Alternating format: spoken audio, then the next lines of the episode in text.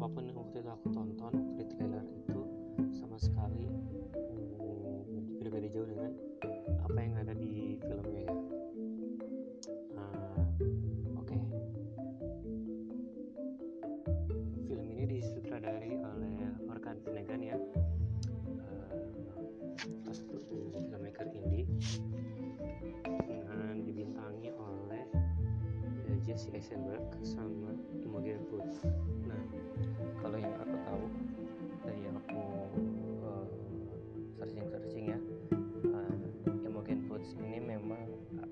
yang uh, giat sekali untuk syuting film indie. Sedangkan kalau uh, Jesse Eisenberg itu kita lebih sering yang lihat di mana-mana. Dia sering dia pernah main di Zombieland terus dia main juga di uh, The Social Network Now You See Me terus juga uh, di Justice Justice League uh, sebagai Lex Luthor ya dan BVS juga kalian pasti udah sering lihat Jesse Eisenberg ini. Nah uh, filmnya tentang apa sih? Uh, filmnya ini premisnya tentang uh, dua pasangan uh, pacaran ya. Dan mereka itu lagi nyari rumah untuk ditinggalin ya. Entah kenapa mereka nyari rumah bukan nyari flat atau apartemen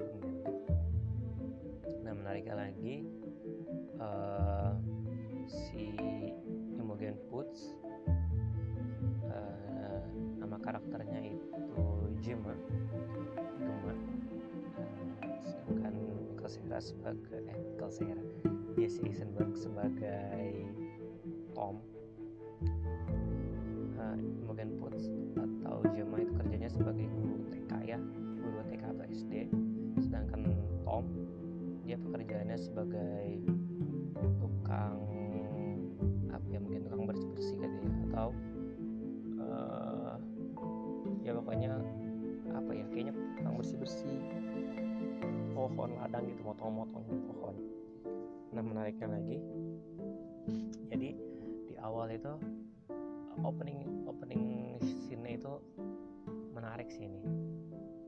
Jadi ada oh ya ini spoiler lot ya ini full sampai akhir kita bakal bahas spoiler tentang maksud balik film ini dan ya uh, hal-hal dari segi teknisnya juga akan kita bahas pertama opening scene. Opening dibuka dengan uh, telur burung ya. Jadi uh, burung, telur menetas keluarlah bayi burung. Dan ini cukup menarik menurut aku ya karena uh, susah banget gitu ya. Bisa nemu apa burung lagi pas-pasnya menetas dan uh, dedikasinya untuk uh, merekam kejadian itu tuh luar biasa. Dari sutradaranya ya. Finnegan sutradaranya uh, Mr. Finnegan nah terus uh, kita lah proses burung menetas. Jadi uh, begitu lahir mereka nggak bisa melihat tapi udah nangis nangis ya terus uh, minta makan sama ibunya. Jadi jerit. Kayak gitu ada yang jatuh ya sama saudaranya sendiri telurnya mah jatuh. Pecah ada juga yang mati ya karena jatuh. Itu benar-benar luar biasa sih. Dan ini semacam foreshadowing juga apa yang akan terjadi di uh, berikutnya. Ya kalau kalian uh, benar-benar nyadar sama bagian pembukanya nanti kalian akan sadar juga ketika di pertengahan film tentang apa film ini sebenarnya.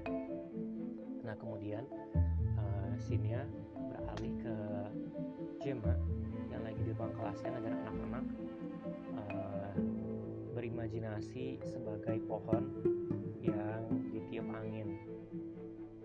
Uh, dan menariknya itu itu kayak menggambarkan hutan ya. Karena kan itu kan di ruang kelas dan anak-anak ada banyak terus kayak ada pohon banyak pohon tertiup angin itu kayak gambar hutan. Dan ini juga penggambaran yang menarik menurutku. Scene berikutnya uh, Jema selesai ngajar pulang ketemu sama uh, orang tua murid ngobrol sebentar kayak diingetin lagi uh, nyari rumah ya. ini menarik juga karena dia tanpa perlu menjelaskan secara langsung kalau si Jema itu lagi cari rumah dibantu dengan karakter ini ya karakter support ya karakter figuran ngikutin Jema buat beli rumah dan menarik. Jadi natural aja gitu. Jadi tanpa perlu harus ada eksposisi dari Jemanya sendiri tapi dari karakter lain kemudian si Jema melihat anak kecil ada sendirian itu ya. Melihat burung jatuh burung yang tadi batas mati gitu dan terus kayak yang paling berkesan gue itu pas uh, si anak kecil nanya uh, siapa yang uh, tega melakukan ini kepada bayi burung? Terus kata si uh, kata si Jema bilang uh, ya begitulah uh, mungkin ini dijatuhin sama burung kakak tua gitu ya uh, bird bird begitu uh, si anak saya bilang uh, bilang kok tega banget ya? Terus kata si Jemanya ya begitulah uh, cara alam bekerja. Maksudnya kan kayak ya mau bagaimana lagi kan kayak ya udah terjadi mah terjadi aja gitu ya di alam tanpa ada tega atau kekejaman the cruelty sama kayak uh, rusa dimakan singa ya terjadi aja kekejaman itu ini benar-benar ini banget sih uh, berkesan banget buat gue kata-kata itu. Yang di alam ya terjadi aja. Mau sebagaimanapun cruelnya itu. Begitu juga sama kehidupan kita ya. Kehidupan kita. Ini foreshadowing juga untuk uh, ke depannya bagaimana apa pun yang terjadi dalam hidup kita ya terjadi aja. Tak peduli seberapa kejamnya itu. Bahkan mungkin subjektif juga ya. Uh, perihal kekejaman itu. Bagi anak kecil mungkin kejam. Tapi bagi Jema ya yang udah sering melihat itu di yang lebih tua yang lebih sering melihat kejadian-kejadian seperti itu terjadi mungkin ngerasa kayak ya udah mau bagaimana lagi? Udah begitu keja keadaannya. Habis itu lanjut kita diperkenalkan sama si Tom yang lagi di atas pohon ya terus mereka uh, ngobrol. Chemistry-nya dapat banget sih sebagai uh, pacaran. Nggak terlalu uh, apa alay banget kayak gaya pacaran. Tapi ya normal masih romantis gitu lah. Maksudnya bisa bisa langsung dapet lah feel pacaran. Nah, terus kemudian uh, si Tom ini juga sama si Gemma dibuat serelatable mungkin ya. Jadi si Tom kan habis kerja nih. Habis manjat-manjat pohon. Terus kan dia keringetan dia bau. Terus kata si Gemma ganti baju lagi. Nah itu menurut gua juga apa ya dihumanisasi lah karakternya. Jadi mereka walaupun mereka mungkin kayak pacaran tapi ya mereka uh, tetap peduli dengan hal-hal yang kecil ya. Meskipun semacam bau badan. Dan mereka uh, jujur gitu dengan sama lain terus mereka juga kayak di mobil dengerin radio. Bukan dengerin radio sih dengerin musik ya. Musik CD kayaknya. Di mobil dengerin musik. Ya karaokean gitu kayak, kayak kita aja gitu biasa. Kesehari apa gimana sih? Pasti kan pernah ya karaokean di mobil.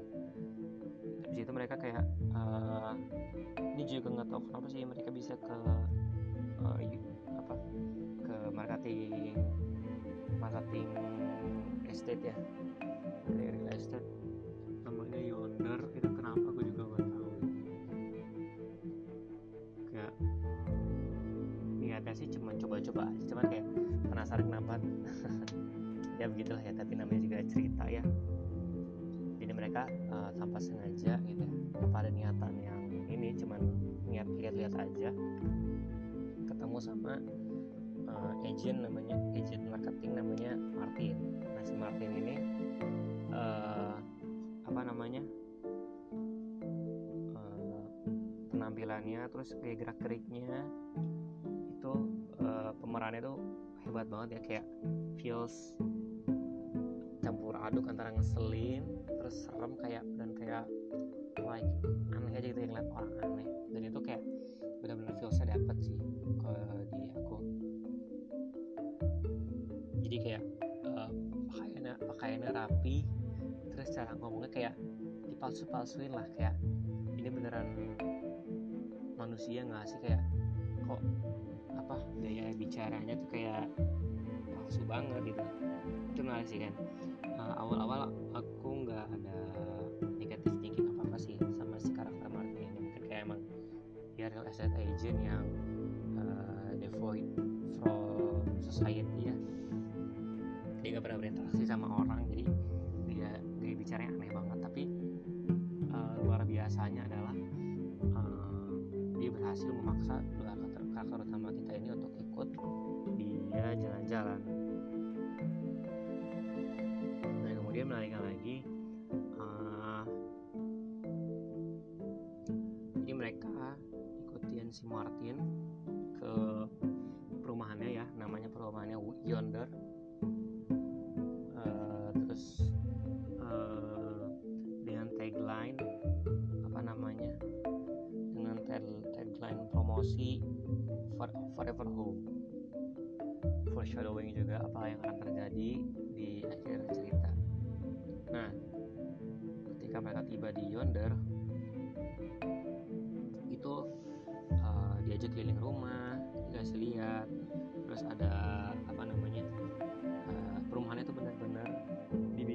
se uncanny mungkin se kayak seolah-olah itu tempatnya tuh di dunia lain gitu. Meskipun uh, CGI kelihatan CGI-nya tapi kayak kalian tuh dapat feelsnya bahwa memang kayak cocok aja gitu meskipun CGI-nya kelihatan tapi cocok sama tema film ini kayak kelihatan palsunya kelihatan palsu tapi karena cocok sama uh, filmnya jadi masuk gitu. itu benar-benar salah satu apresiasi juga di mana pohonnya kelihatan palsu, awannya kelihatan palsu, rumputnya kelihatan palsu.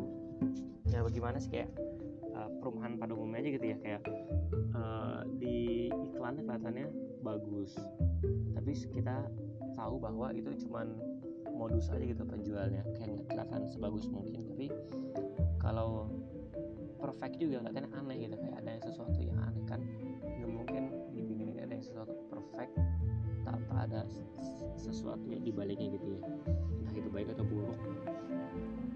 Nah kemudian uh, menariknya lagi juga kan mereka uh, masuk rumah dan tiba-tiba ditawarin sama mama Martin welcome drink uh, sampai sama strawberry.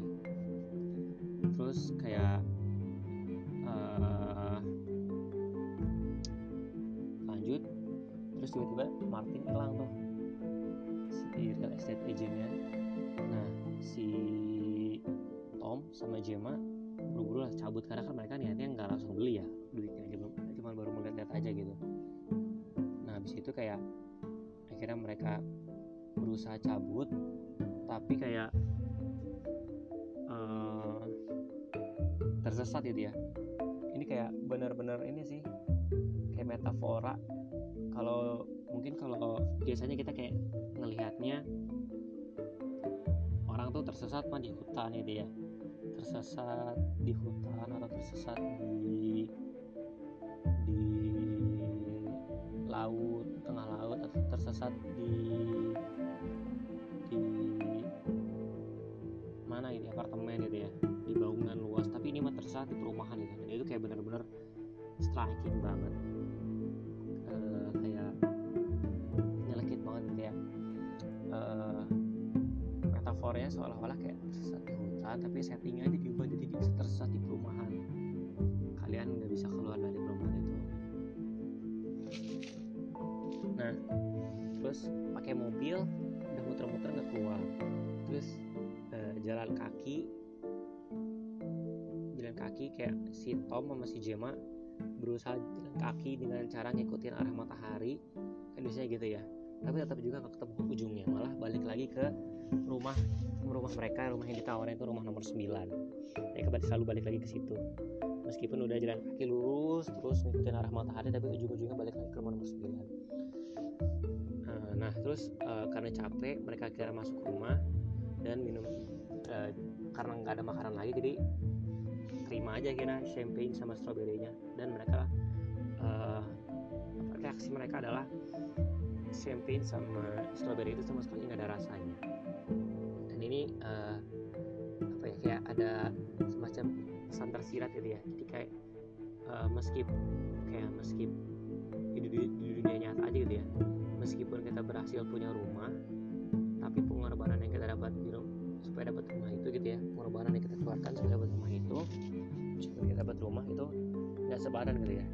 Jadi kayak oh misalkan ada yang jual rumah gitu ya uh, cicilan apa dapat bonus gitu ya dapat bonus dapat cashback dapat hadiah ini dapat wifi dapat mobil dan segala macam. Tapi kayak nggak setara dengan pengorbanan yang harus dikeluarkan untuk membeli rumah tersebut gitu ya untuk mendapatkan rumah tersebut.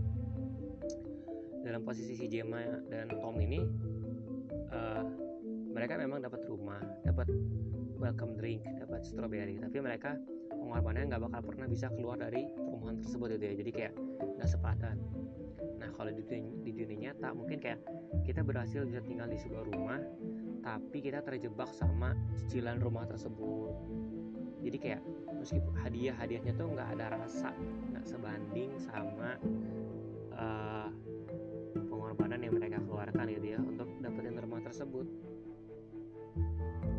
Hadiah-hadiahnya jadi hambar gitu ya. Ketika mereka terjebak hutang untuk bayar rumah untuk bayar uh, yang mereka dapatin gitu ya. Nah kemudian uh, somehow uh, mereka dikasih paket ya. Apa tanpa diketahui asal usul dari mana mereka buat paket untuk mempersiapkan rumah mereka gitu ya. Nah rumahnya akhirnya dibakar lah sama si uh, Tom. Tapi rumahnya tetap utuh gitu ya. Dan ini se pagi harinya setelah mereka ini setelah mereka bangun itu uh, mereka nemuin anak bayi. Dan uh, dikasih pesan bahwa mereka harus ngebesarin bayi laki-laki ini kemudian barulah mereka bisa uh, rilis dari perumahan yonder nah terus uh, yang fuck upnya lagi apa namanya? Ini tuh kayak apa ya? Uh, kalau menurut orang-orang beberapa reviewer itu ada yang nganggap bahwa cukuplah film ini berakhir dari situ tapi kan menurut gua uh, menurut aku oke okay. kata aku lanjut aja gitu. Memang lebih bagus konsepnya diekspor sampai akhir gitu ya sampai karakternya entah berhasil atau gagal. Menurut aku lebih baik gitu daripada dipotong ngegantung cuma 30 menit. Nah uh, terus kan mereka uh, dibesarin gitu ya membesarin anak laki-laki yang dititipin bayi laki-laki itu. Jadi mereka kayak berperan sebagai ibu dan bapak bagi bayi ini. Nah menariknya tadinya bayi dalam 98 hari si bocah ada gede. Di umuran anak SD lah ya. Terus uh, yang lucunya adalah peran anak ini gitu sebagai metafora. Metafora uh, anak gitu ya orang tua bagaimana orang tua dan anak nanti ya dalam dunia nyata. Itu digambarkan gitu ya. Kalau dalam film ini digambarkan uh, si anaknya selalu um, mimicking atau meniru mengcopy perbuatan orang tua mereka gitu ya. Si Tom sama si Jema uh, ngasih middle finger diikutin sama anaknya. Terus kayak uh, cara mereka ngomong itu ditiru juga dan itu kayak benar-benar creepy. Tapi ya kayak uh, ketika kita mengerti maksud dibalik itu kayak oh, oh. Itu kayak maksudnya uh, apa hubungan antara orang tua dan anak gitu ya. Terus uh, fast forward itu ya. Uh, si anak kecil ini suka tantrum suka marah-marah sendiri suka nangis suka teriak-teriak kayak minta keinginan diturutin. Pokoknya dia kayak banyak tingkah gitu ya supaya diturutin. Terus uh, gimana juga kayak si Gemma sama Tom harus kasih makan anak ini. Harus apa diajak main dirawat dan sebagainya macamnya. Yang menarik juga itu kayak gimana bagaimana kayak anak kecil aja gitu ya banyak nanya kepoan gitu ya. Selalu merhatiin orang tuanya dipelototin ketika si Gemma suatu hari ya sama si Tom balik lagi ke mobil mereka yang bensinnya udah habis terus nyalain musik itu dan mereka joget-joget itu kayak anak-anaknya itu tuh joget-joget tapi kayak itu tuh mengganggu si Tom sama si Gemma momen berdua mereka gitu ya dari dunia yang alien ini. Tapi mereka kayak sama anak kecil sampai si Tom jatuh kepetok kepalanya. Tapi nggak ini sih nggak celaka cuma ya gitu ya. Jadi kayak ini tuh kayak simbolis orang tua dan anaknya diganggu gitu. Kayak mereka ketika udah punya anak orang tua udah punya anak itu mereka nggak bisa hidup berdua lagi gitu ya. Pasti ada anak-anaknya pengen ikut ke mana-mana orang tuanya pengen terlibat sama orang tuanya terus. Ini tuh kayak kayak ya keren aja gitu pesan tersiratnya. Terus bagaimana juga kayak uh, si Tom? Kan dia suatu, suatu hari si Tom uh, nemuin bahwa uh, tanah tanah uh, di ini itu bisa digali gitu ya. Tanpa kayak tanpa kayak tanahnya hilang lagi gitu bisa bisa digali.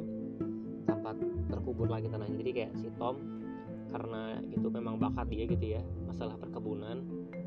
Tukang kebun jadi dia kayak kerjanya tiap hari ngegali. Itu kayak itu kayak simbolisasi. Terus kayak kan si Jema uh, ingetin si Tom uh, jangan terus-terusan ngegali itu nggak ada gunanya gitu ya.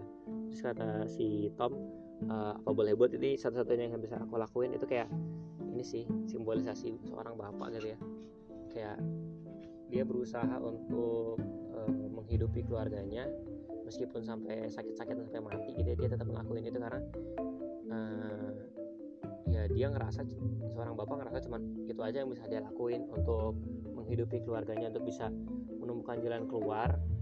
Dia cuma bisa menggali. Nah tapi sayangnya uh, itu ya tanpa sadar gitu rata-rata kita sebagai bapak kerja keras tapi cuman menggali kuburan itu ya mempersiapkan kematian kita aja gitu. Ya kayak kita uh, kerja kerja kerja gitu ya. Kita tapi kerja untuk apa? Untuk untuk nyiapin dana pensiun untuk nyiapin kita mati gitu. Sebenarnya kita hidup untuk kita mati gitu ya. Digambarkannya agak depresif sih memang. Ya tapi memang itu itu ceritanya gitu naratif ceritanya ya. Nah, terus uh, kemudian uh, si Jema sebagai ibu juga dia lebih protektif ke anak kecil karena dia kayak mungkin uh, dia juga dulu guru gitu ya di sekolah dan kayak dia uh, ada ini ya kayak ngerasa punya hubungan dengan si anak itu gitu. Sampai dia kayak pernah bilang ke anaknya e, kamu itu misteri yang aku ingin pecahkan gitu ya. Ya sama aja kayak anak kecil gitu. Kayak uh, kita punya anak kita besarin anak itu kita ajarin. Tapi kayak kita kadang-kadang anak-anak itu uh, melakukan sesuatu yang tidak diajarin orang tuanya. Kayak mengejutkan orang tua gitu. Tanpa disuruh tanpa apa tiba-tiba melakukan sesuatu. Misalkan uh, orang tua uh, ngajarin anak uh, matematika tapi tiba-tiba dia uh, di sekolah uh, jago berpuisi gitu ya. Jadi kayak mengejutkan si Jema dan kayak si Jema tuh penasaran deh ya. Uh, kalau dari uh, dalam konteks filmnya itu si anak kecil suka tiba-tiba menghilang gitu tiba-tiba bawa buku malam-malam nontonin TV atau TV-nya juga nggak jelas acaranya gitu ya. Nah si Gemma itu kayak timbul uh, sifat keibuan gitu ya.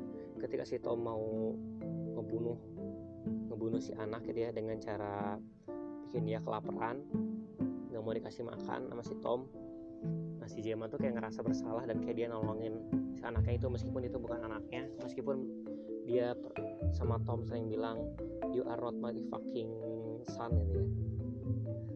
Nah tapi kayak uh, tetap dirawat sama si Gemma karena dia kayak merasa masih kayak ngerasa mungkin ada jalan keluar gitu ada harapan itu dengan membesarkan si anak ini nah kemudian uh, si Tom masih ngegali sampai sakit-sakitan uh, si Gemma menariknya gitu ya satu hari uh, ditanya sama si Gemma kamu kalau menghilang itu ketemu sama siapa? Aku nggak bisa cerita. Terus kayak tiba-tiba uh, kan si Jema kayak apa ya e, ngetrik gitu ya supaya anaknya mau cerita apa namanya? Ya mau cerita. Terus kayak e, ketika anaknya berusaha kayak tanpa sadar ngejelasin si Jema jadi kayak ketakutan gitu. Terus kayak keesokan hari ini dia ngirim pesan fuck you gitu di atas di atas atap rumah ke uh, yonder. Nah situ yang menarik lagi adalah ketika si uh, Tom dia udah mulai sakit-sakitan gitu ya udah nggak nafsu makan udah kayak lemes udah kayak kecapean banget. Sakit. Sedangkan si uh, bocahnya bocah mereka tiba-tiba udah gede. Dan ketika si Jema ngasih makan ke si anak kecil yang sekarang udah gede terus si anaknya bilang thank you. Si Jema bilang balas your welcome itu kayak ada dialog kamu sarkas ya ngomongin sama-sama. Kan kamu kayak nggak nerima aku sebagai anak gitu. Terus kata si yang ini uh, apakah kamu ngakuinnya bohong? Si Jema bilang enggak tapi kayak tapi kamu tidak tulus kan? Apa karena kamu melakukannya kata si Jema alasannya dia sopan santun. Apakah dia sopan santun karena takut itu atas anaknya? Kata si Jema mungkin gitu. Dan ini kayak uh, pesan tersiratnya itu kayak uh, orang tua yang ngelihat anaknya udah gede gitu ya. Udah lebih kuat ke mereka udah lebih besar lebih tinggi lebih cerdas mungkin ya. Dan orang tua tuh kayak merasa uh, terintimidasi dengan kehadiran udah tumbuh besar ya tanpa mereka sadari anaknya udah besar. Kayak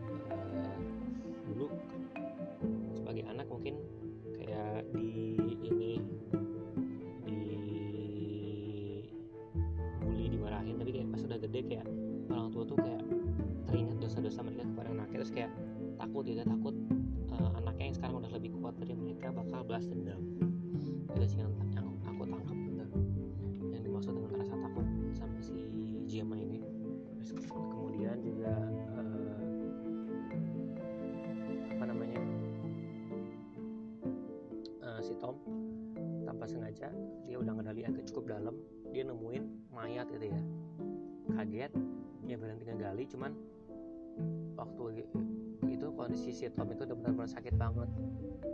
Dan akhirnya dia juga ikut mati.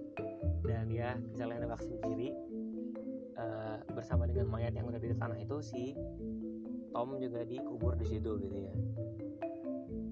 Nah uh, gak lama si Gemma berusaha balas dendam sama si anak itu. Terus uh, pendeknya si Gemma juga ikutan mati dikubur juga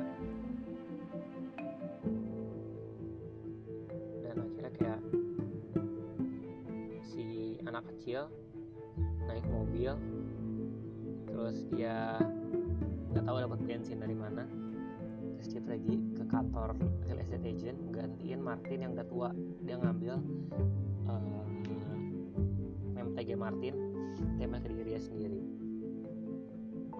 Terus ada uh, couple lain jadi ada pasangan lain yang niat beli rumah. Nah jadi uh, yang main kan udah tangkap juga ya uh, film ini tuh hmm, entah kenapa kayak gimana ya kayak nyeritain tentang kehidupan kehidupan dewasa ya kan di mana uh, kita mungkin ketemu ibu-ibu yang gibah gitu ya. Ayo cepetan beli rumah udah gede nih kapan mau beli rumah? ya. Terus kayak ya kita berusaha ngikutin social conformity gitu ya. Ngikutin gitu ya bahwa kita harus hidup harus punya rumah. Ada harus ngikutin ekspektasi orang harus punya rumah harus berkeluarga terus kayak uh, ya gitu lah semacamnya nah, terus kayak yonder itu kayak semacam metamor kayak metafor untuk kehidupan kita bagi orang dewasa juga sih. Kita beli rumah terus kayak dengan cara hutang gitu ya. Karena saking mahalnya rumah itu kita harus mati-matian supaya bisa keluar rumah itu harus jangan keluar rumah ya. Kayak harus ngasih hutang kita kepada rumah itu aja harus mati-matian. Kita nggak bisa keluar dari perumahan itu. Uh, maksudnya adalah uh, sepanjang kehidupan kita gitu saking kita capeknya kerja kita lebih banyak menghabiskan waktu kita bolak-balik dari rumah ke kantor gitu ya. Kita nggak bisa keluar dari lingkaran setan itu gitu. Dari labirin kehidupan itu dari mana sih kehidupan itu. Terus juga uh, ada adegan di mana si Jema sama Tom teriak-teriak tolong tapi nggak ada yang bisa dengar. Sendiri kayak lengang banget sampai uh, bergema suara mereka balik lagi ke mereka gitu. Terpantau lagi suara mereka. Jadi kayak metafor kayak pesan tersirat bahwa metafor meskipun kita berhidup bertetangga gitu ya di perumahan tapi kita tuh nggak bisa nggak berinteraksi sama mereka. Mereka nggak bisa dengar nggak bisa kita nggak bisa apa ya kayak semacam segan gitu sama tetangga gitu atau nggak bisa minta tolong, tetangga gitu ya. Kemudian juga uh, membesarkan anak gitu ya. Uh, anak kayak beban kayak kadang-kadang pasangan yang punya anak yang tidak mereka inginkan gitu ya. Dan itu tuh bikin hidup mereka sepanjang hidupnya beban gitu. Harus ngasih makan harus nemenin dia main harus mau diikutin anaknya terus harus harus nurutin anaknya harus ajak ngobrol harus ya gitulah. Padahal kayak mereka nggak minta punya anak tapi tiba-tiba anaknya udah besar udah besar aja terus kayak si Tom sebagai bapak tadi uh, simbolisasi seorang bapak yang bekerja untuk menggali keburukannya sendiri dan sedangkan si Jema yang hmm, anak ya. Dia kayak apa ya konflik batin antara pengen membesarkan anak tapi anaknya tidak sesuai harapan dia gitu ya malah bikin dia takut. Terus juga metamorfosa lain aku tangkap itu uh, betapa palsunya gitu ya. Kadang-kadang kehidupan yang sempurna. Kayak perumahan itu tuh sempurna banget gitu ya. Punya lantai dua besar terus uh, coffee. Tapi dibalik itu semua gitu kayak kalau kita nggak nikmatin rumahnya ya buat apa? Jadi kayak ya pesan gue yang gue tangkap dari film ini adalah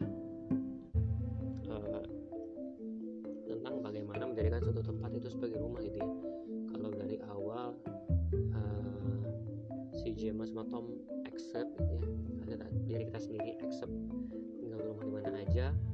Mungkin kita bakal lebih enjoy tinggal di rumah tersebut tapi karena kita nggak nggak accept tinggal di suatu tempat ya tidak accept menjadikan suatu tempat sebagai rumah kita anggap rumah dia tuh tersiksa sampai mati gitu. Ya sampai mati kita bakal terjebak di tempat tersebut.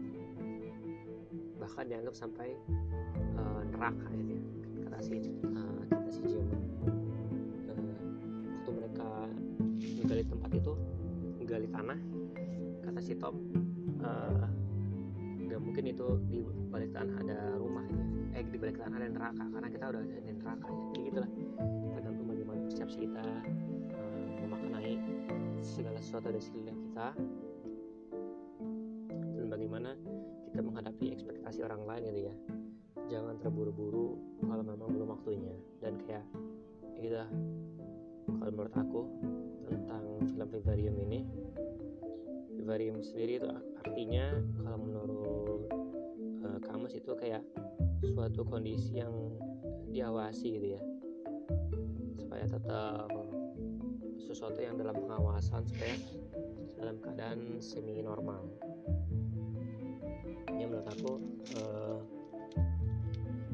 itu ya bukan sekedar uh, cuma rumah gitu tapi kayak kalau misalnya kita bertemu sesuatu yang tidak kita inginkan pada akhirnya kita harus bisa menerima gitu karena situasi apa pun gitu ya kita terjebak dalam rutinitas kita terjebak dalam tempat yang tidak inginkan harus belajar menerima. Kalau enggak kita ya bakal uh, tersiksa sama perasaan kita sendiri.